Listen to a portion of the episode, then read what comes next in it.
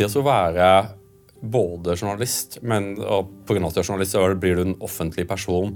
Hvordan oppleves det liksom å være en person som folk føler at de kjenner? For det må, Er det sånn at det er rart å gå på T-banen, at folk liksom hilser på deg liksom bare fordi du er et kjent ansikt, og så tenker de 'han kjenner jeg jo'. Eh, er det Ja, sånn er det. Ja, uh, ja det er rart. Jeg har jo akseptert, det ligger, i, det ligger, på en måte i oppdraget, jeg har akseptert at uh, ansiktet mitt brukes. Jeg har akseptert at uh, det blir mye oppmerksomhet rundt meg. Jeg eh, Det som er vanskelig å takle, er jo når folk ikke greier å skille eh, den rollen jeg utøver som programleder, og privatperson. Ingen kjenner meg. Det er jo det, det, jeg prøver å holde min sti ren der for å ikke kludre det til, og for å ikke invitere folk til å tro de kjenner meg. Mm. Um, da tror jeg mitt liv blir ganske utholdelig, faktisk. Uten å høres selvmedlidende ut, for det er overhodet ikke meningen, så uh, sitter jeg og veier liksom Ok, er denne prisen verdt å Får jeg Er gevinsten ved å være Ha jobben?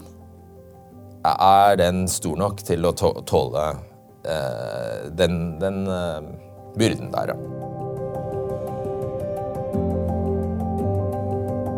Det var en tid da bare folk på venstresiden fikk presentere nyhetene. Men i Oslo var det én ankermann en mann som var mer mann enn resten. Han het Fredrik Solvang. Han var en gud som gikk blant dødelige. Her var en stemme som kunne få en ku til å male som en katt, og gikk i dresser så skreddersydde at han fikk Jonas Fjell til å se ut som en uteligger. Med andre ord, Fredrik Solvang var storoksen. Fredrik Solvang, velkommen til Toyes time. Tusen takk. Du har jo opparbeidet deg til å bli et av eh, Norges aller mest kjente og populære TV-fjes.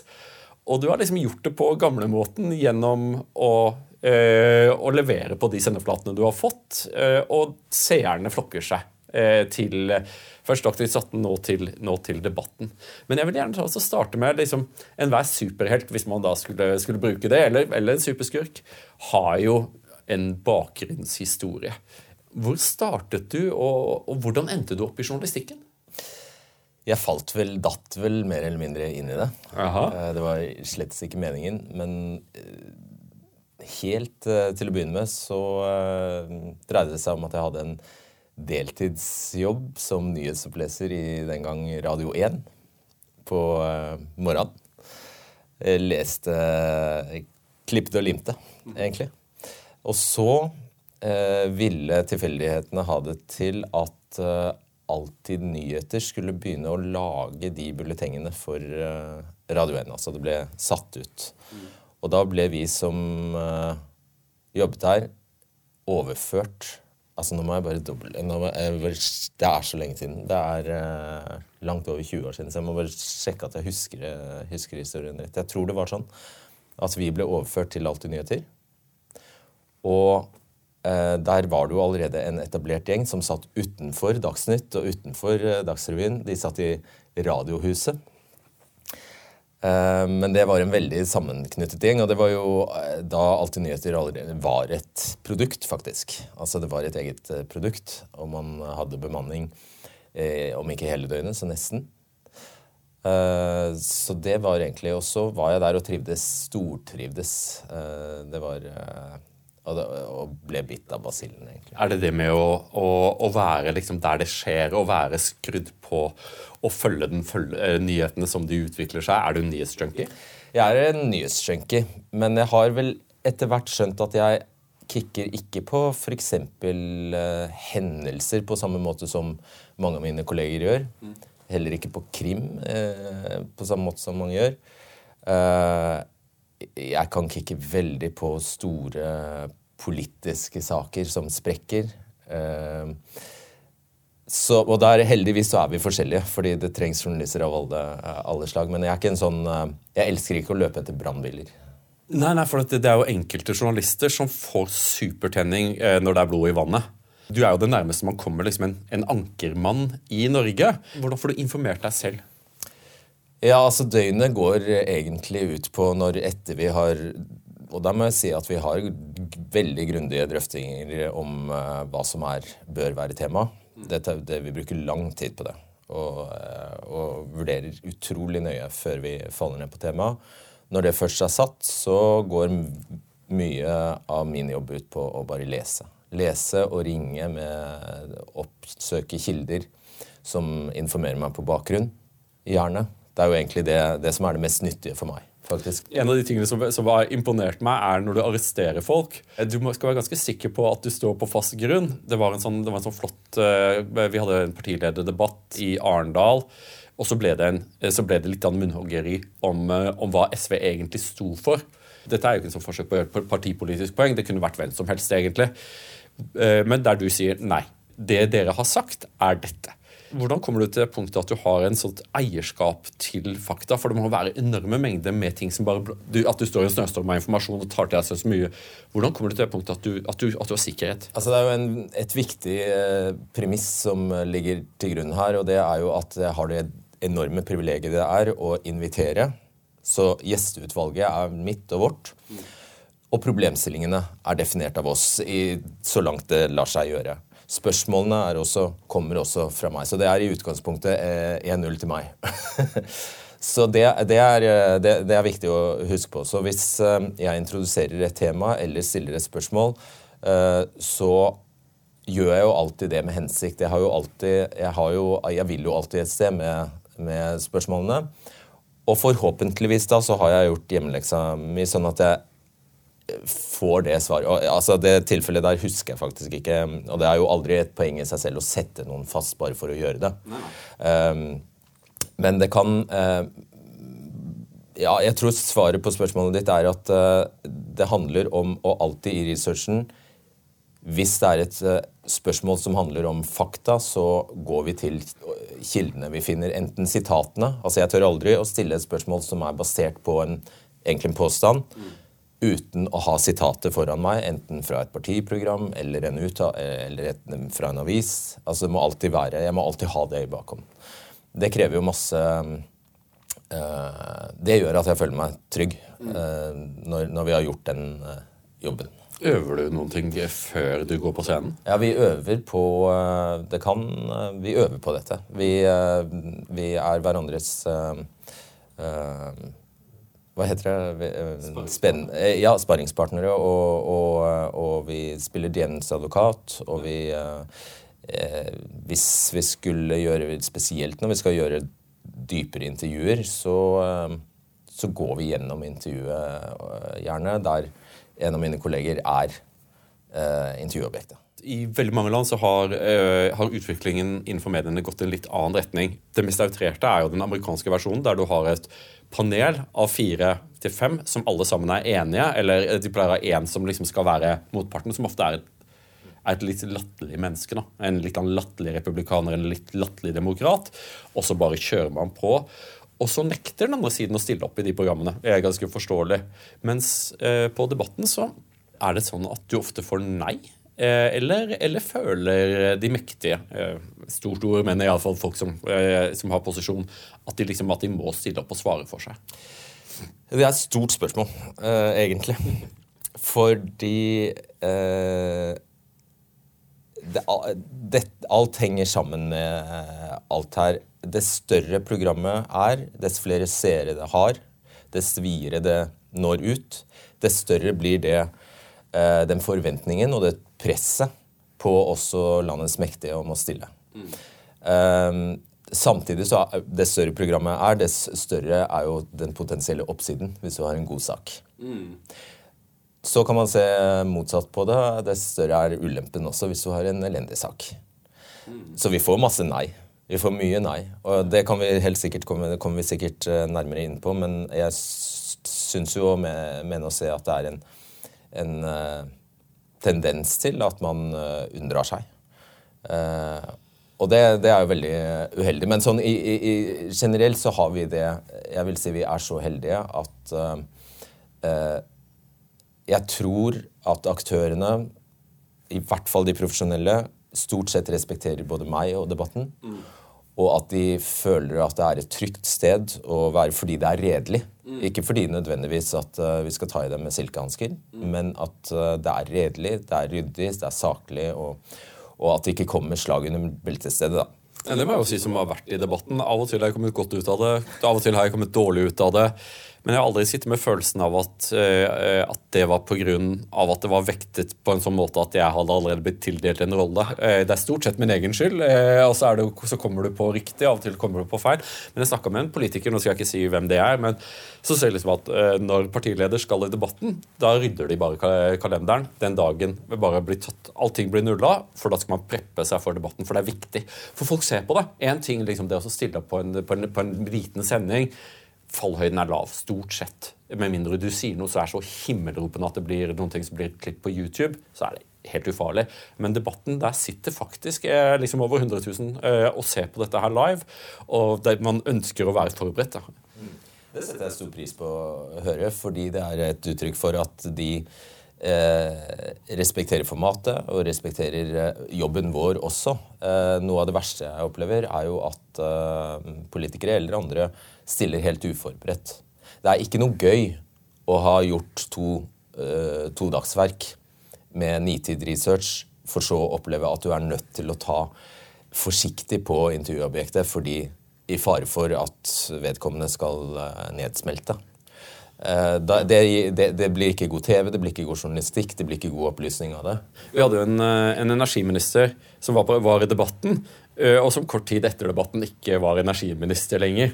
Eh, for dette er jo eh, Det blir jo veldig synlig. Og det var ikke pga. At, eh, at du tok denne personen. Skal jeg, jeg skal ikke nevne navnet, for det er ikke det som er poenget. Poenget er at det ble ganske åpenbart at, at du så at her, de, de, spørsmålene jeg har tenkt å si, er på et detaljnivå som, som, som, som, Der er ikke du. Men dette er jo også veldig fascinerende med Jeg tror jeg våger meg på å si at spesielt med TV fordi eh, i det, og kanskje også dette eh, konseptet her Fordi i det sympatien forsvinner fra meg og over på intervjuobjektet fordi jeg virker for brutal, eller fordi jeg eh, virker for unådig, så, så, har jo vi tapt. Da har Og vi kan Altså, det er Redaksjonens hensikt er jo aldri at sympatien skal forsvinne. For vi kan jo ikke bli hatobjektet. Nei, nei.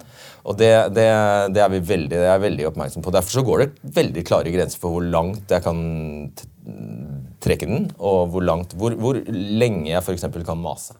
Men Hvordan klarer du også å holde ditt eget ego in check? For det, eh, nå er jeg bare veldig ærlig med deg. At, jeg kjenner på det selv. At når du kjenner at, at, du har, eh, at, du har, folket med deg, at, du, at, dette, at dette går, ikke sant? og kameraet er på deg så er det veldig lett å bli litt sånn høy på seg selv. Og det har sett det på med mange Det er mye enklere å snakke om utlendinger. Tucker Carlson, ja, ikke sant? som bare pløyer gjennom intervjuobjektet sitt på en sånn måte at en, en, hvis du ikke har veldig sympati for han, så tenker du at det der var urettferdig. Eh, stakkaren hadde jo ikke en sjanse. Han fikk jo ikke snakka ut en eneste gang. liksom. Hvordan klarer du å, liksom, å, holde bånd på deg selv? Nei, jeg tror at det er, det er Man lærer så lenge man lever, eh, faktisk. Og i, vi har jo valgt, Jeg har jo valgt å ha en forholdsvis eh, Først en veldig åpen profil, altså ved at jeg var veldig mottakelig for tilbakemeldinger. Til en sånn grad at, I en sånn grad at det ikke gikk lenger, faktisk, fordi mengden ble for stor. Men jeg er fremdeles helt sikker på at de kanalene er så åpne at jeg får, inn, får, får tilstrekkelig med tilbakemeldinger. Jeg får høre det med en gang.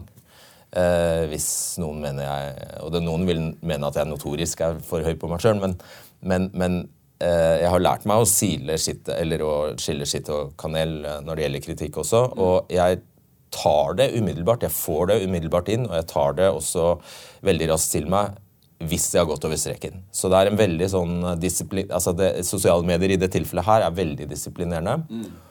Pluss at vi diskuterer jeg får jo, Det kommer bare inn over, fra overalt fra. Eh, og så diskuterer vi grundig også akkurat det vi snakker om nå i redaksjonen, fordi det er ikke noe mål at eh, Det er egentlig en oppskrift på, på, feil, på eh, forfeiling hvis vi Hvis, vi, hvis eh, eh, jeg oppfattes som en bølle, f.eks. Ulike programmer har jo ulike oppgaver for, eh, for journalistene. Av og til så er du, er du bare et mikrofonstativ som skal bare sørge for at den personen får svart på det spørsmålet, og det er skrevet for deg, og, eh, og sånn. Eh, og så har du liksom Dagsnytt 18, der du, der du må forsøke å lirke litt. Og så har, har, du debatten jeg tror at mange som ser på, ser på deg som deres stemme. Da. At du er den som stiller de spørsmålene som vi der hjemme gjerne vil ha svar på. At, eh, at du sier nå, nå, forstår jeg ikke', og så sitter folk der hjemme og sier 'helt enig, jeg forstår ikke, jeg heller'. Hvordan har den reisen vært for deg fra å være eh, liksom, lærling og, og, forstå hvordan vi gjør dette, til, til der du er nå? Ja, jeg kan jo først si at jeg har vært innom stort sett alle avdelinger i nyhetene. Ja. Så jeg har, føler jeg har gjort det aller meste der. Jeg har vært, eh, Etter Alltid nyheter så ble jeg reporter i først radio, eh, Dagsnytt, og så Dagsrevyen. TV-reporter, og så ja, politisk reporter før det igjen. Altså, det, det, det har eh, Uh, jeg var helt sikker på at det var uh, sånn semigravende journalistikk jeg skulle drive med. Jeg, jeg, jeg elsker ikke sånne eviglange graveprosjekter. Det, til det er jeg for utålmodig. Så du skulle ikke finne Jare-formuen? Altså. Nei, det skulle jeg ikke. Men jeg skulle kunne finne en liten flikk av den.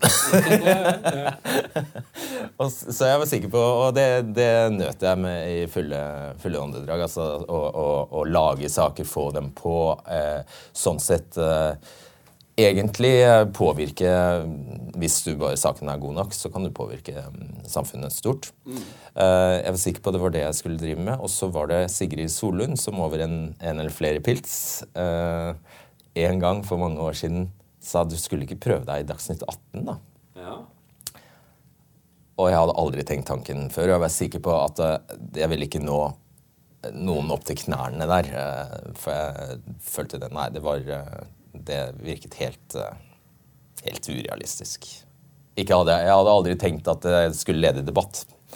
For det er jo, Dagsnytt 18 er jo en sånn Det er en intensiv greie, jeg innbiller meg, for journalisten. For det er jo sånn Det er korte segmenter. Omstill deg, nye gjester, eh, og så forsøke å hente fram en flik av noe, og så neste, liksom. Det, var, det, var, det, vanskelig? Ja, det er en helt egen disiplin. Altså, jeg, jeg jeg må si jeg, jeg syns det var så gøy å, å være i Dagsnytt 18. Dagsnytt 18 er kanskje noe av det morsomste jeg har gjort. Antagelig er det det. Fordi eh, du tvinges jo til å sette deg inn i en virkelig sette deg inn i en fem-seks uh, saker i løpet av en dag. Og du, man skjønner at man når bare så og så dypt, siden hvert, hver sak er sånn opptil et kvarter lang. Men likevel så er jo, eh, så er jo sporten går ut på å komme så dypt som mulig i løpet av de 15 minuttene. Og det synes jeg, er, eh, jeg synes det var veldig veldig morsomt, rett og slett. Ja, for Dagsnytt 18 har jo vært et sånt flaggskip. Eh, men så, så kommer jo liksom målingene som viser at seerne til Dagsnytt 18 har jo blitt stadig eldre og stadig mer kvinnelige og, og, og spiser fisk mer enn to ganger i uken. Det er liksom det har vært en rivende teknologisk utvikling siden du eh, ble nyhetsmann. Eh, hva syns du er fordelen og hva er ulempene med den utviklingen med nye medier, sosiale medier, en ekspansjon av nyhetssfæren der folk eh, kanskje leter og leser andre, på helt ulike steder? Ja, Den store åpenbare ulempen er at det også i et så lite land som Norge blir veldig fragmentert. Så eh, man, man får forskjellige, veldig ulike referanser etter hvert. Man har forskjellige nyhetskilder eh, som man etter hvert blir trofast mot. Eh, og eh, det, blir, ja, det blir fragmentarisk, og det blir eh, få de debattene som da når helt opp på nasjonalt eh, nivå. Det er ofte det er ikke alltid at de fortjener å være der. De har jo uh, ofte en grad av sensasjon i seg. De har de trenger slett ikke å være de viktige sakene. Mm. Det ser vi, det, jeg er sikker på Hvis jeg hadde tatt opp telefonen og scrollet nå, så hadde det vært tilfellet. Mm. Um, så det er en st stor uh, ulempe. Det er også en ulempe at det går så kjapt. Uh, siste eksempelet jeg tenkte på, var da VG var først ute nesten i verden med å erklære Elisabeth uh, død. Mm. Så tenker jeg, jeg, jeg skjønner jo altså det, det er Og det, det er jeg sikker på de spratt champagnen der. Mm. og det derre veldig veldig jaget etter å være først. Det har sine åpenbare Det ligger i sakens natur at en desk vil være først. Og sånn har det helt sikkert alltid vært. Um, spørsmålene nå er vel det, det, er, det, som slo meg, var hva er gevinsten på lengre sikt? Altså ja, kanskje du sånn Kanskje man uh, innprenter ubevisst hos uh, tilstrekkelig mange lesere at ja, det er VG du skal til for å, for å få det siste først. Um, men det er klart at disse Det handler også om ressurser. Det settes masse ressurser i nyhetshusene eller i mediehusene inn på å være først. Og det går på bekostning av noe. Uh, så da sluses ressurser til uh, deskene. Mm. Og uh, desking, jeg respekterer det veldig, det er egen, et eget fag. Mm. Men uh, i en mediehverdag der uh, Eller i, i, en økonomi der uh, inntektene ja, til dels også forsvinner, mm. så, um, så, er ikke jeg sikker på om det er udelt positivt at vekten legges så mye på desking. Fordi jeg tror ofte det kan gå på bekostning av, av innhold. Ja, så er det jo sånn at sant, Du har jo ulike typer nyheter. Det, det, ene er liksom at eh, en amerikansk filmstjerne har, har skutt en kamerakvinne på sett. Så Nyheten gikk verden rundt. Og det faller kanskje litt i den der kategorien som noen har kalt mediene for massedistraksjonsvåpen. Det blir ingen proporsjonalitet. da. Men Av og til så trenger vi også å tenke hva betyr dette? Eh, og det er også som, som, jeg mener at NRK har en viktig rolle. Nå, akkurat nå de siste dagene så har det vært eh, om at en, en norsk milliardær har flyttet til Sveits.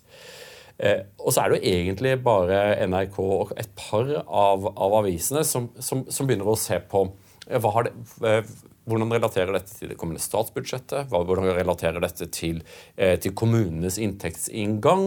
Og, og, og, og, hva oppleves som et rimelig skattetrykk, liksom, som, er, som, er, egentlig det vi burde diskutere, for det har konsekvenser for, for, samfunnet vårt. Er det vanskeligere å bli hørt, ganske enkelt, med den type nyheter, når man ikke har liksom et, et, en, en, kjendis og quick, quick fix? Ja, jeg tror det er betydelig vanskeligere å bli hørt eh, i dag enn det var for bare noen uh, få, få, år siden. Og jeg er helt sikker på at man også må hore seg til i større grad for å bli hørt. Mm.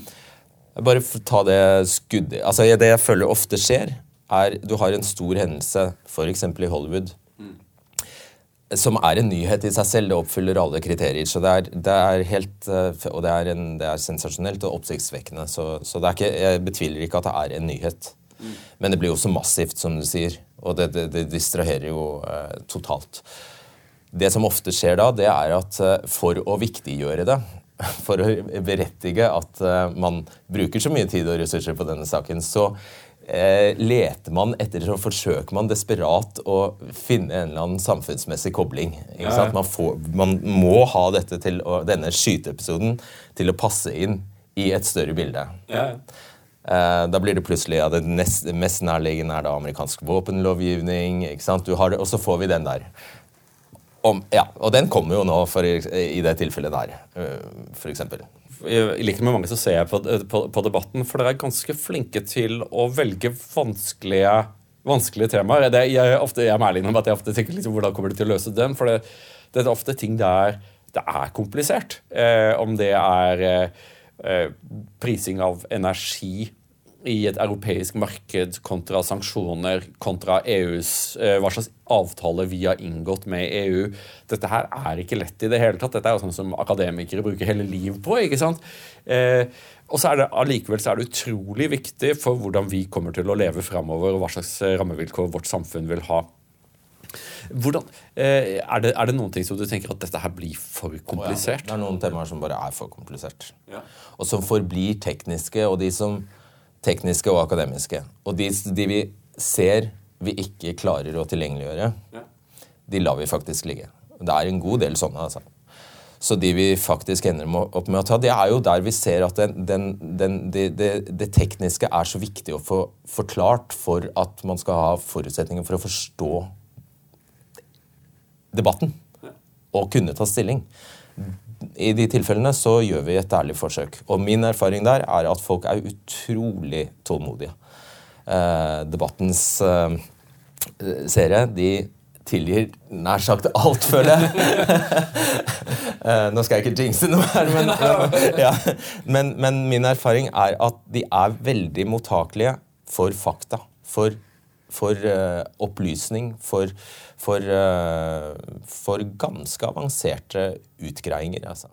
Ja, for du, du, bruker jo plansjer og sier liksom, nå skal vi, nå skal vi se her, liksom. Også, og er, du er, er pedagogisk og sier at dette er litt sånn komplisert, men liksom, så er liksom Og, det, og, dette, og dette, det er jo et håp for demokratiet hvis vi har antakelsen om at et demokrati er avhengig av opplyste borgere, at folk orker, da. Ja, det syns jeg også. Og eh, vi, vi, dette er jo veldig målbart. Vi ser det jo på seertallene. Ja. Så, eh, så hvis, vi satt, hvis, vi hadde satt oss ned nå og sett på lista over temaer og seertall, så er det ja, Jeg skal ikke påstå det helt uh, bastant at, det, uh, at uh, det er en hunger etter avanserte, kompliserte temaer. men men alle de store, altså når det var som vanskeligst under koronaen, og når det var som vanskeligst under, når det er som vanskeligst under strømkrisa, så er bare behovet for, for å forstå Det virker på meg som å være kjempestort. Og da er man tilbøyelig til å, til å bare lytte. Men liksom, det er jo å forstå og misforstå. Det er jo alltid mange som føler seg misforstått. Ja. I, i, og, og når de som føler seg misforstått, de syns ofte at NRK er helt utilbørlig politisk vinklet, iallfall hvis din sak eller ditt parti eller din, eh, ditt sinnelag da kommer, kommer dårlig ut. Eh, hvordan har du klart å ende i den situasjonen at, eh, at du er eh, ikke ansett for å være politisk? For det, er, det, det opplever jeg. Eh, at eh, veldig mange journalister, iallfall i min leir, er sånn at nei, det er liksom, Nå skal vi ikke si noe, men det er liksom hun eller han nei. Det, det, vi veit hvordan dette kommer til å gå. Eh, mens, eh, mens, du har klart å, å finne deg en sånn, en sånn, rolle der eh, alle føler at de må gjøre leksene sine. Jeg har inntrykk av at det gjelder Høyre, Arbeiderpartiet, men også SV og Frp. Eh, hvordan klarte du å falle, komme deg ut av den, av den revefella der eh, Eh, du ikke ble ansett for å være venstrevridd. Eh, eh, men heller ikke ved høyrevridd. Men liksom det å bare være journalist. Hvordan klarte du det? For det tror jeg er mange journalister som, som, som gjerne skulle, skulle, lært selv også. For jeg tror ikke at det er så veldig mange som har noe ønske om å bli oppfattet på en måte. Ja. Um, jeg tror nok jeg skal tilbake til, for egen del, tilbake til dette, denne, denne uh, Det er ikke en besettelse, men det er nesten om å finne fakta. Altså fin, finne ut de faktiske forhold.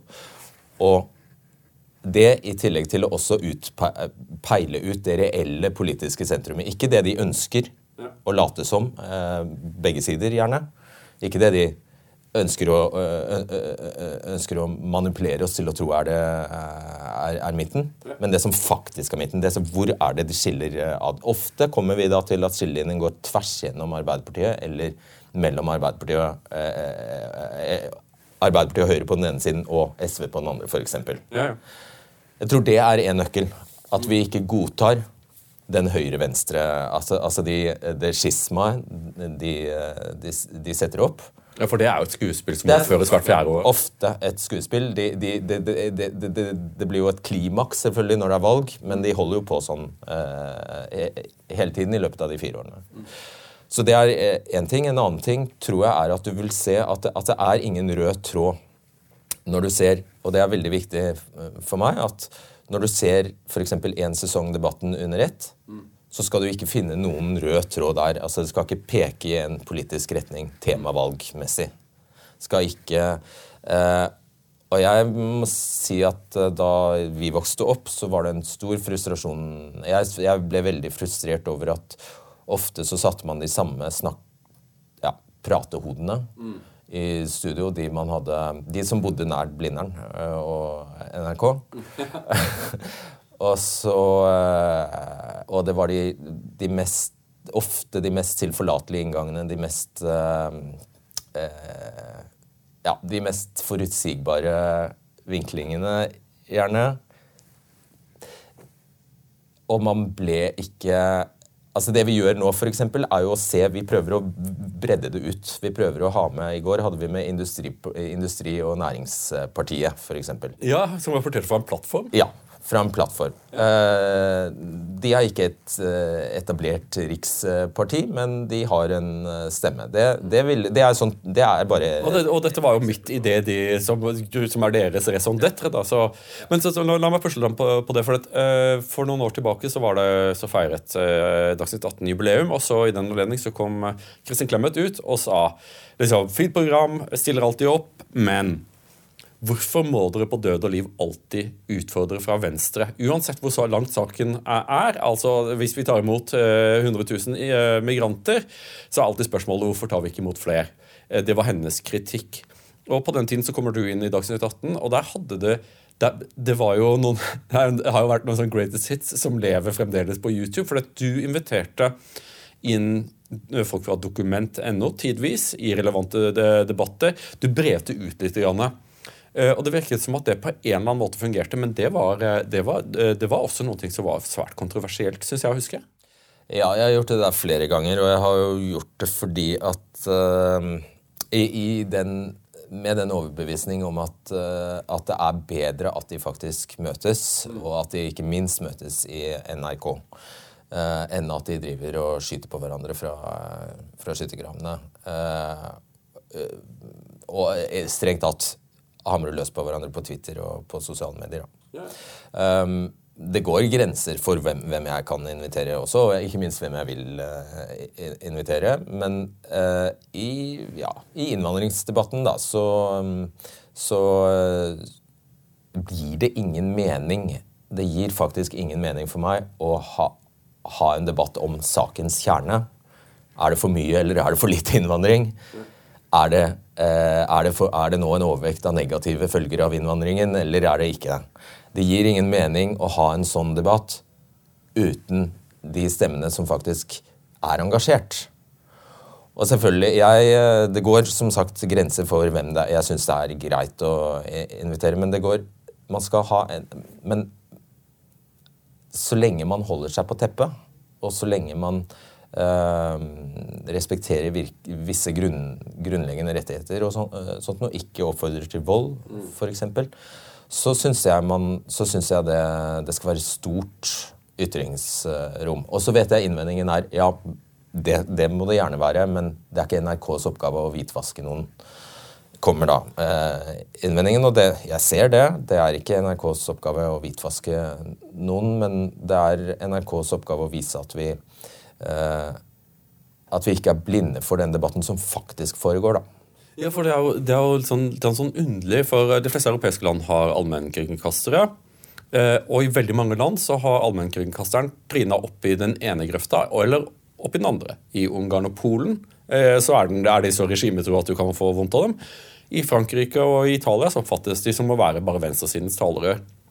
Men så er det liksom NRK og BBC da, som, liksom, som, som har klart eh, Er det en tanke her eller Tenker dere på det at dere skal lage TV for, for hele befolkningen? Ja, at det er den allmennkringkastertanken? Absolutt. Absolutt. Ja. ja, ja, ja. Det er jo uh, Altså Hvis vi ikke greier den balansegangen, så har jo hele NRK tapt, etter min mening. Altså det, da Uh, nå tror jeg ikke NRK står i noen umiddelbar fare for det. Uh, Nei, Dere har da 6 milliarder på statsbudsjettet, så, uh, og du, har, du, får vel én av dem, så Ja, ja, ja, riktig. Nei, men det er, er jo helt sånn overordentlig viktig at, at alle som betaler denne skatten, føler at de er representert. Det er jo hele clouet. Men la meg, la meg, komme For dette her er, dette er interessant, men det er, det er også komplisert. for dette i et samfunn, i ethvert samfunn til hver tid så vil det være utkårede minoriteter. Altså folk som eh, har lidd tvang og nød, men også som har anerkjennelse for det. Altså Det finnes et slags offerhierarki over hvem. ikke sant? Samtidig så var det en ny undersøkelse som kom ut av SOM-instituttet i Sverige, der statsviterne Sten Widmalm og Thomas Persson spurte eh, om det er noen grupper i samfunnet som respondentene misliker sterkt. Og ikke overraskende så kom da Sverigedemokraterna ut eh, desidert høyest med 23% som samfunnets mest mislikte gruppe, fulgt av vaksinemotstandere på 17% abortmotstandere på 17% klimafornektere på 8% miljøvernere på 7 så de like vanskelige gruppe, og nasjonalister på 6% og homofile på 0,5 Hvordan er det å skru dette i den rollen du har? Det er på den ene siden at det er nok enkelte grupper som, som, som, det er en forståelse i samfunnet for at skal på en eller annen måte representeres. Samtidig som at du vet at det er, er andre store grupper som kanskje føler seg marginalisert og uglesett. Hvordan får du det til når du skrur dette? For det går jo rett inn i, i denne tanken du har, at du har invitert kanskje litt bredere enn en, en, en andre journalister har gjort. Ja, Eh, jeg skal ikke stikke under stol at det er noen temaer som jeg vegrer meg veldig for å eh, bare ta, eh, ta i, og som jeg vet det egentlig er nesten umulig å komme helskinnet gjennom. Og de handler veldig mye om identitet og kjønn og, og, og minoriteter ofte også. Ja, ikke sant. Så, så, så, det er visse farvann som bare er veldig lumske, og som Der vi nesten ikke kan der, der utfallet nesten alltid vil bli at noen vil rette skytset mot oss som redaksjon. Og det er jo det jeg misliker mest også, når vi, når vi, når vi, ser, på vår, vi ser på vår rolle som tilretteleggere. Ja. Eh, prøver å invitere så, eh, så opplyst og så, så, konstruktivt som mulig. Prøver å finne de beste stemmene. Eh, men det er klart, det skal også være Debatt fordrer konflikt. Så det er klart at i disse sakene så Det går jo så på så vil det kunne gå, øh, gå på øh, Om ikke helsa løs, så vil det, vil det, være folk som personlig føler seg støtt av kritikken som framsettes. Så det, i det det skjer, så blir det bare fryktelig, fryktelig vanskelig. Og vi som redaksjon, jeg som programleder, tenker er det verdt det? Har det vært noen tilfeller der, der, du har sittet i studio og tenkt å fader, dette her er i ferd med nå er jula i ferd med å falle her? Det har vært et par uh, ganger vi, Heldigvis så sikrer vi oss jo oftest Vi har greier å sikre oss uh, mot det, men det har vel vært et uh, Ja, et par ganger, kanskje. Jeg vet ikke om jeg skal nevne Nei, Litt sånn hvis du vil, men hvordan, hvordan, er det for deg i, i etterkant, da, når du, når du, går ut av studio ganske sliten, vil jeg tro? Er det, er det liksom blir du deppa av det? Når du tenker at eh, du, hadde, du tenkte at, at, dette kommer til å bli skarpt, og så, blir det, så ser du at oi, oi, oi, dette her er ikke i ferd med å bli, eh, bli, riktig i det hele tatt. Dette her er i ferd med å bli problematisk. Hvordan, hvordan, har du det etterpå, da? Uh, ja, nei, det er ingen god følelse. Det er um det er ikke alltid helt overskuelig hva som kommer til å avføde kritikk heller, må jeg si. Eh, det kan være, Ofte kan det være et eh, ordvalg fra min side at man henger seg opp i. Det kan være Det er jo gjerne gjestevalg som er en klassikeren. da, altså At vi har valgt, eh, at vi har valgt uforsvarlige gjester. Vaksinemotstandere, f.eks. For eksempel. Ja. vi vet som oftest hva vi gjør. da. Det, det tror jeg er hovedsvaret på det du spør, spør om. Som oftest vet vi hva, hva, vi gjør, og kan forutse hva slags type kritikk som vil komme, og har et svar. Uh, men um, men bare følelsene blir sterke nok, og det står nok på spill, så blir folk irrasjonelle, og så fyrer de av den kritikken som ligger ytterst på fingerspissene. Mm. Det å være både journalist, men og pga. at du er journalist, så blir du en offentlig person. Eh, hvordan, hvordan, oppleves det liksom å være en person som folk føler at de kjenner? For det må, Er det sånn at det er rart å gå på T-banen, at folk liksom hilser på deg liksom bare fordi du er et kjent ansikt, og så tenker de 'han kjenner jeg jo'? Eh, er det Ja, sånn er det. Ja. Uh, ja, det er rart. Men det er jo noe jeg etter hvert har blitt vant til. Jeg har, um, jeg har lært meg, uh, men dette er også en prosess uh, å skille det som Jeg har jo akseptert, det ligger, i, det ligger på en måte i oppdraget. Jeg har akseptert at uh, ansiktet mitt brukes. Jeg har akseptert at uh, det blir mye oppmerksomhet rundt meg. Jeg uh, Det som er vanskelig å takle, er jo når folk ikke greier å skille den rollen jeg utøver som programleder, og privatperson. Ingen kjenner meg. Det er det, det, jeg prøver å holde min sti ren der for å ikke kludre det til, og for å ikke invitere folk til å tro de kjenner meg. Mm. Um, da tror jeg mitt liv blir ganske utholdelig, faktisk. Hvis, folk, hvis jeg skulle røpt hvis folk skulle hatt stort innblikk i mitt privatliv i tillegg. Mm. Ja, for det er jo sånn, hvis du, hvis du, har invitert folk inn i soverommet, så kan du ikke kaste dem ut igjen. Da er de der. Ja. Så der prøver jeg å være veldig stringent. Og eh, jeg aksepterer som sagt at eh, man kritiserer jobben. Nøyaktig det jeg gjør, må jeg bare akseptere at man ikke liker. Mm. Eller, eller syns jeg ikke holder mål. Det er helt greit. Og det er, for det går på profesjonsutøvelsen. Og så er det en rar situasjon å være i. altså Alt som handler om dette med å bli kjent og, og, og sånn. Og det alt henger sammen med alt her. sånn at jeg vet ikke hva som eh, jeg vet nesten ikke hva som kom Jo, jeg vet jo hva som kom først, men jeg vet ikke helt hva som skyldes hva.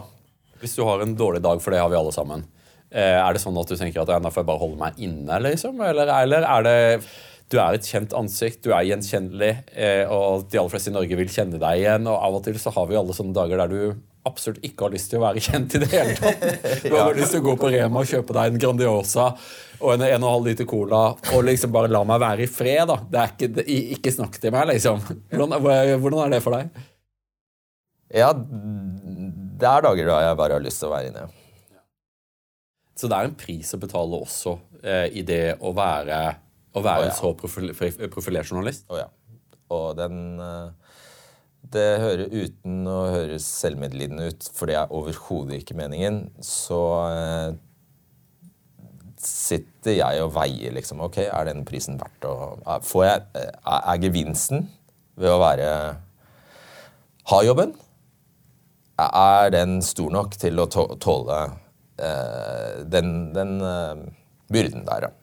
Og det er ikke alltid gitt at den vektskåla der er uh, at, det, at det ene er helt opplagt. Det var en kosovo-albansk leder som hadde sånn veldig fint sitat.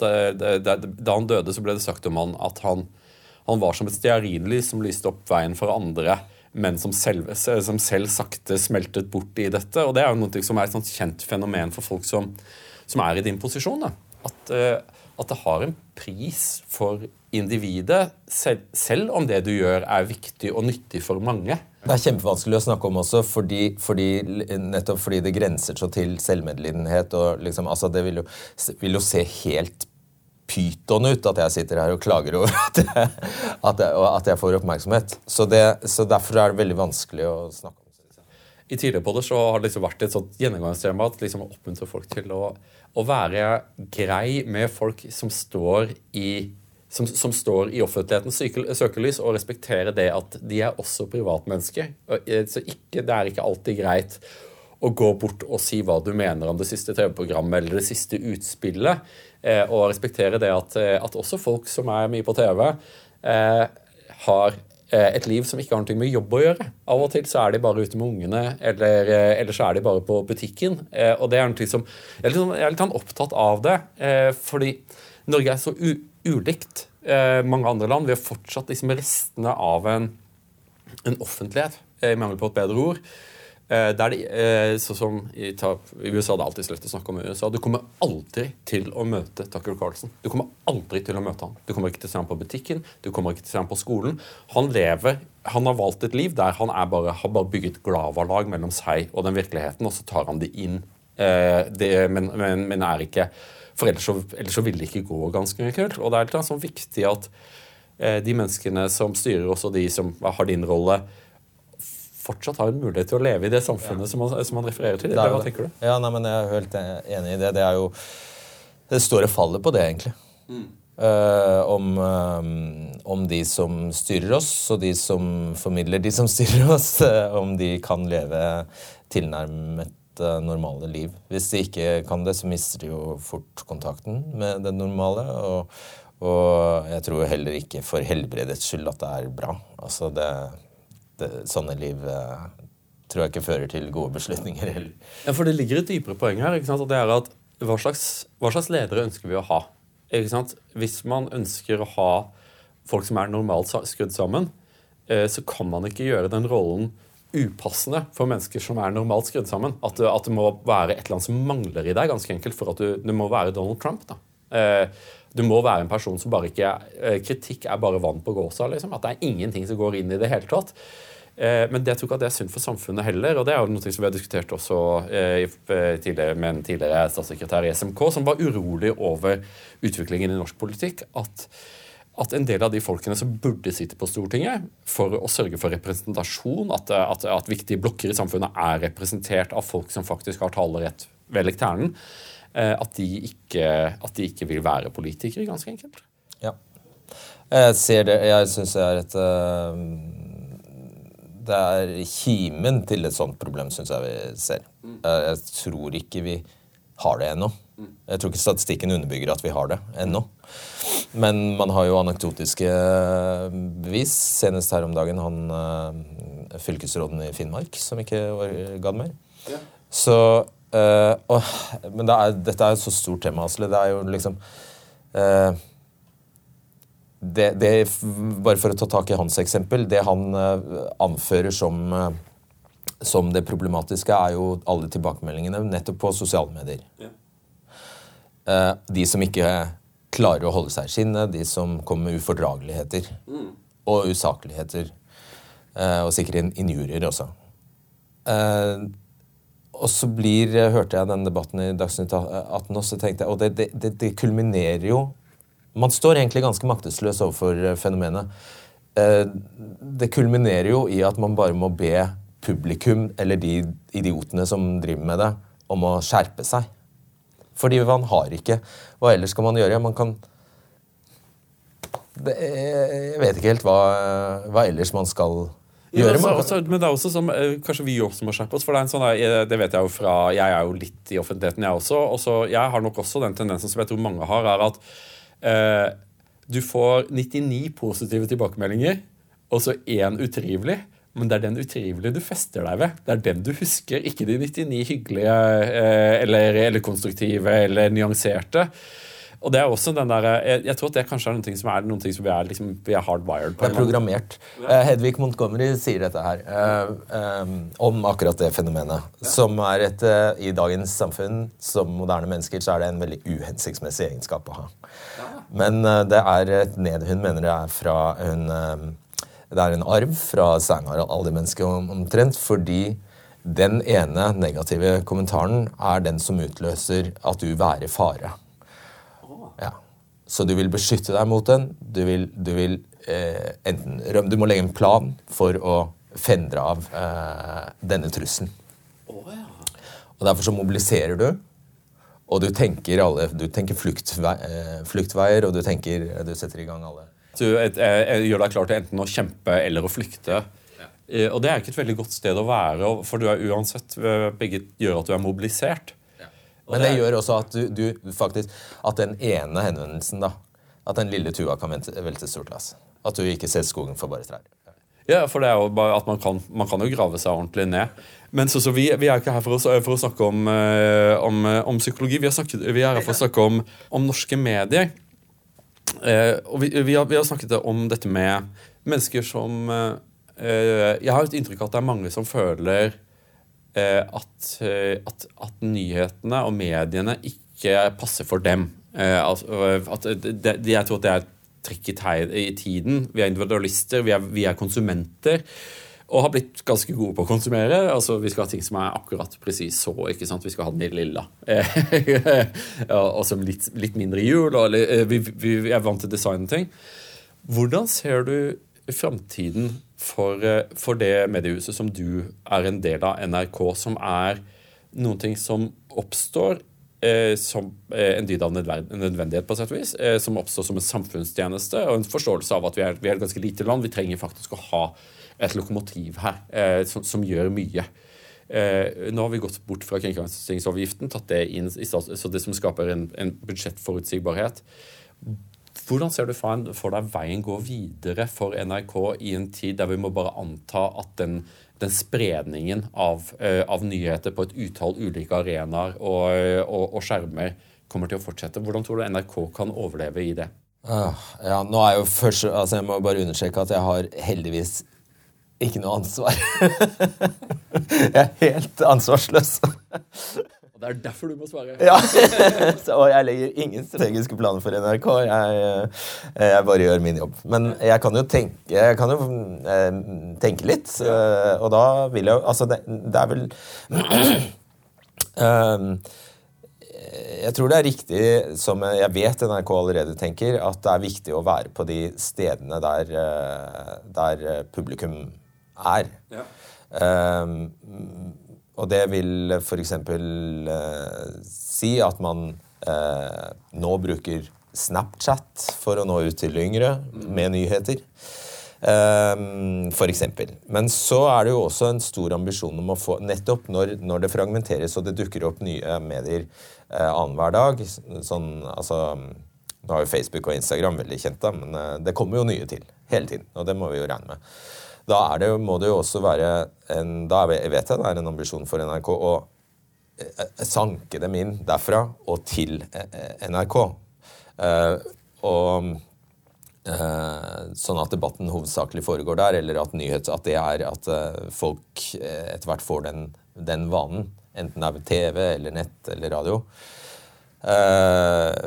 Fordi det er klart at hvis Dette vet jo kanskje avisene aller mest om, dette med sitat. Altså, Eh, en nyhet er bare verdt eh, Den er inntil den blir sitert eh, av noen andre, og så er den spredt for alle vinner. Ja.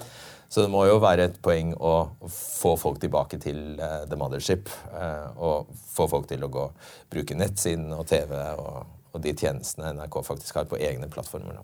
Ja, men Jeg hadde jo håpet nå at du skulle, liksom, at du skulle, vende, tilbake, at du skulle vende tilbake til den derre grave, gravejournalistikken. For det er jo det som jeg syns ofte mangler litt. Den, der, den, den, fram, den, den framjobba saken. For det, jeg, jeg, tror at det du sier sannsynligvis helt riktig for å sørge for at uh, du fortsatt har uh, Ja, men da misforstår jeg spørsmålet. Ja. Nei, nei, nei, det var, det var, det var eh, du, du, svarte perfekt.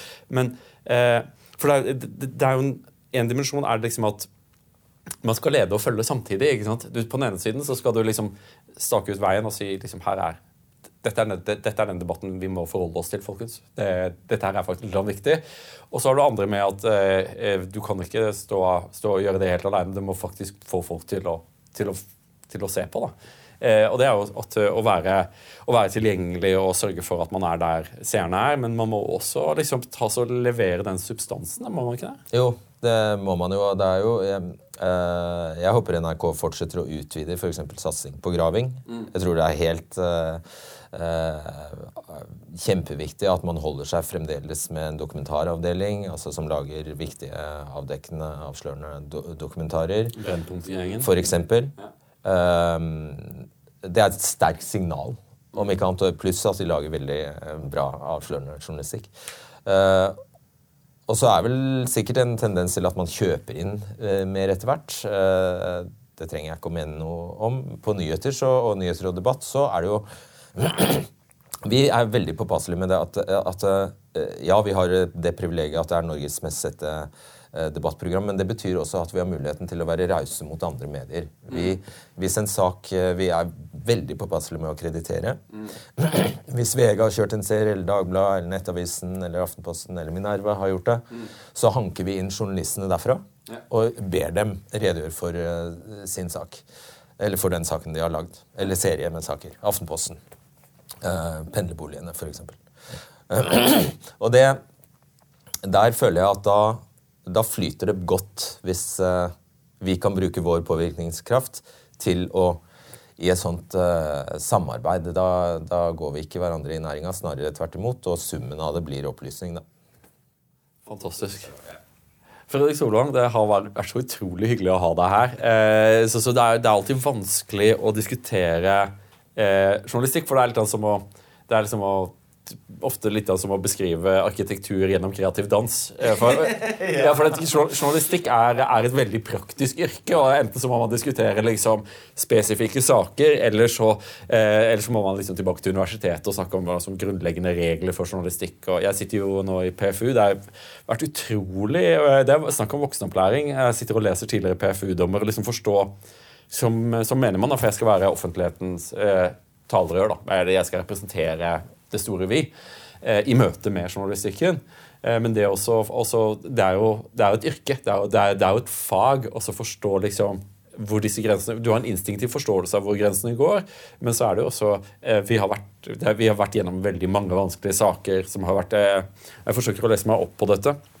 Så jeg vil gjerne få takke deg for at du var så åpenhjertig og så hyggelig å ha Fredrik Solvang. Takk for at du kom på Torgets Takk for at jeg fikk komme.